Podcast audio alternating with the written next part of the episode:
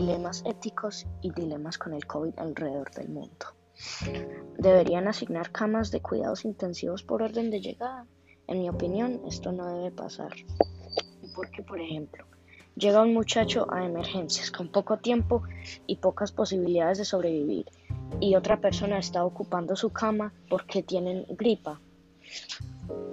Y en muy buenas condiciones no me parece que debería estar, que debería estar pasando.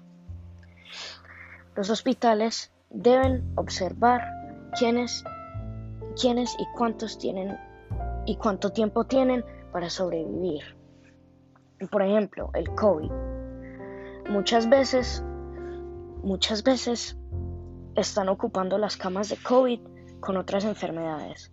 Por ejemplo, alguien que tiene cáncer está ocupando una cama de COVID, que a la vez está muy bien porque está tratando a alguien con pocas posibilidades de sobrevivir que el, que el paciente de COVID, pero a la vez no, porque esas camas están asignadas para COVID.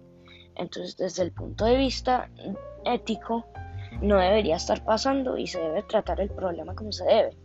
Y no mentirle a la gente que los UCIs están llenos y por eso no pueden ponerlos en una cama UCI.